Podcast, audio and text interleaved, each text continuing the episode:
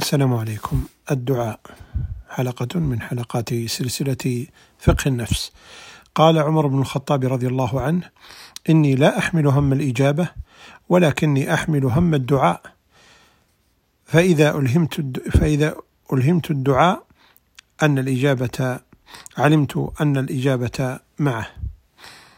وكان عمر بن الخطاب رضي الله عنه يدعو اللهم أشكو إليك جلد الفاجر وعجز الثقة. قال أبو الدرداء رضي الله عنه إني لأستغفر لسبعين من إخواني في سجودي أسميهم بأسمائهم وأسماء آبائهم.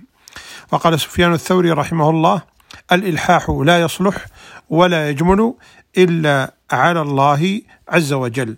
قال إبراهيم بن أدهم ما بالنا نشكو فقرنا إلى مثلنا ولا نطلب كشفه من ربنا. وقال ابن المعتز لا تستبطئ الإجابة للدعاء وقد سددت وقد سددت طريقه بالذنوب.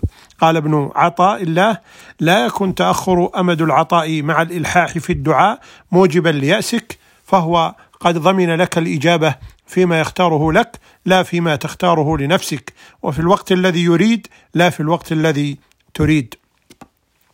قال ابن الجوزي إذا جلست في ظلام الليل بين يدي سيدك سيدك فاستعمل أخلاق الأطفال فإن الطفل إذا طلب من أبيه شيئا لم يعطه بكى عليه.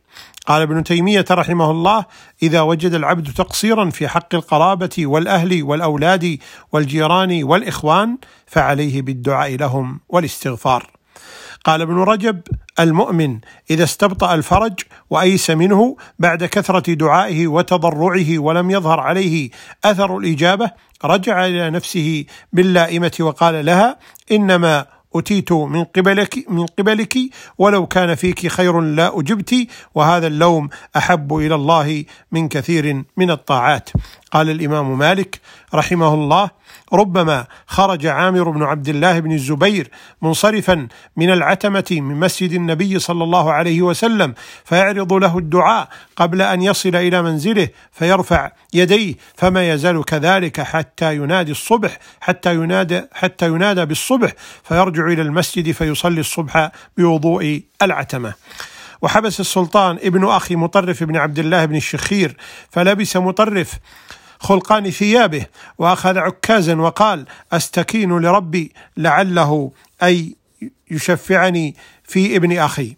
وكان عامر بن قيس إذا أصبح قال اللهم غدا الناس إلى أسواقهم وأصبح لكل امرئ منهم حاجة وحاجتي إليك يا رب أن تغفر لي. وكان من دعاء مطرف بن عبد الله اللهم إني أستغفرك مما زعمت أني أريد به وجهك فخالط قلب فخالط قلبي منه ما قد علمت. وقال سفيان الثوري رحمه الله كان من دعائهم اللهم زهدنا في الدنيا ووسع علينا منها ولا تزويها عنا فترغبنا فيها. وقال عبد الله بن أبي صالح دخل علي طاووس وأنا مريض فقلت يا أبا عبد الرحمن ادع لي قال ادع لنفسك فإنه يجيب المضطر إذا دعاه قال مورق العجل قد دعوت الله بحاجة منذ أربعين سنة فما قضاها لي فما يئست منها وكان شاه الكرماني يقول من شخص بصره عن المحارم وأمسك عن الشهوات وعمر باطنه بالمراقبة وظاهره باتباع السنة وعود نفسه أكل الحلال لم تخط فراسته واستجيب واستجيبت دعوته.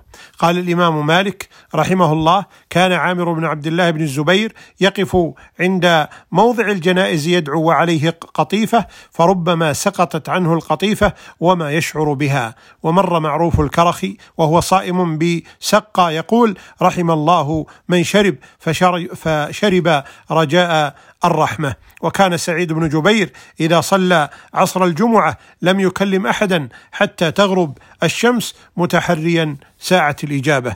وكان المفضل ابن ابن فضالة إذا صلى عصر يوم الجمعة خلى في ناحية المسجد وحده فلا يزال يدعو حتى تغرب الشمس. وكان طاووس ابن كيسان إذا صلى العصر من يوم الجمعة استقبل القبلة ولم يكلم أحدا حتى تغرب الشمس. وقد قال الأول وإني لأدعو الله والأمر ضيق علي فما ينفك أن يتفرج. ورب فتى سدت عليه وجوهه أصاب لها في دعوة الله مخرجا. وقال أبو نواس يا ربي إن عظمت ذنوبي كثرة فلقد علمت بأن عفوك أعظم.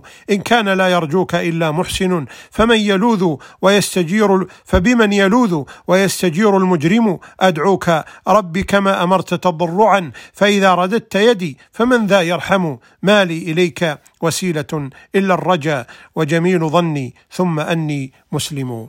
اللهم تقبل دعاءنا يا رب العالمين. ألقاكم على خير في حلقة قادمة بإذن الله جل وعلا.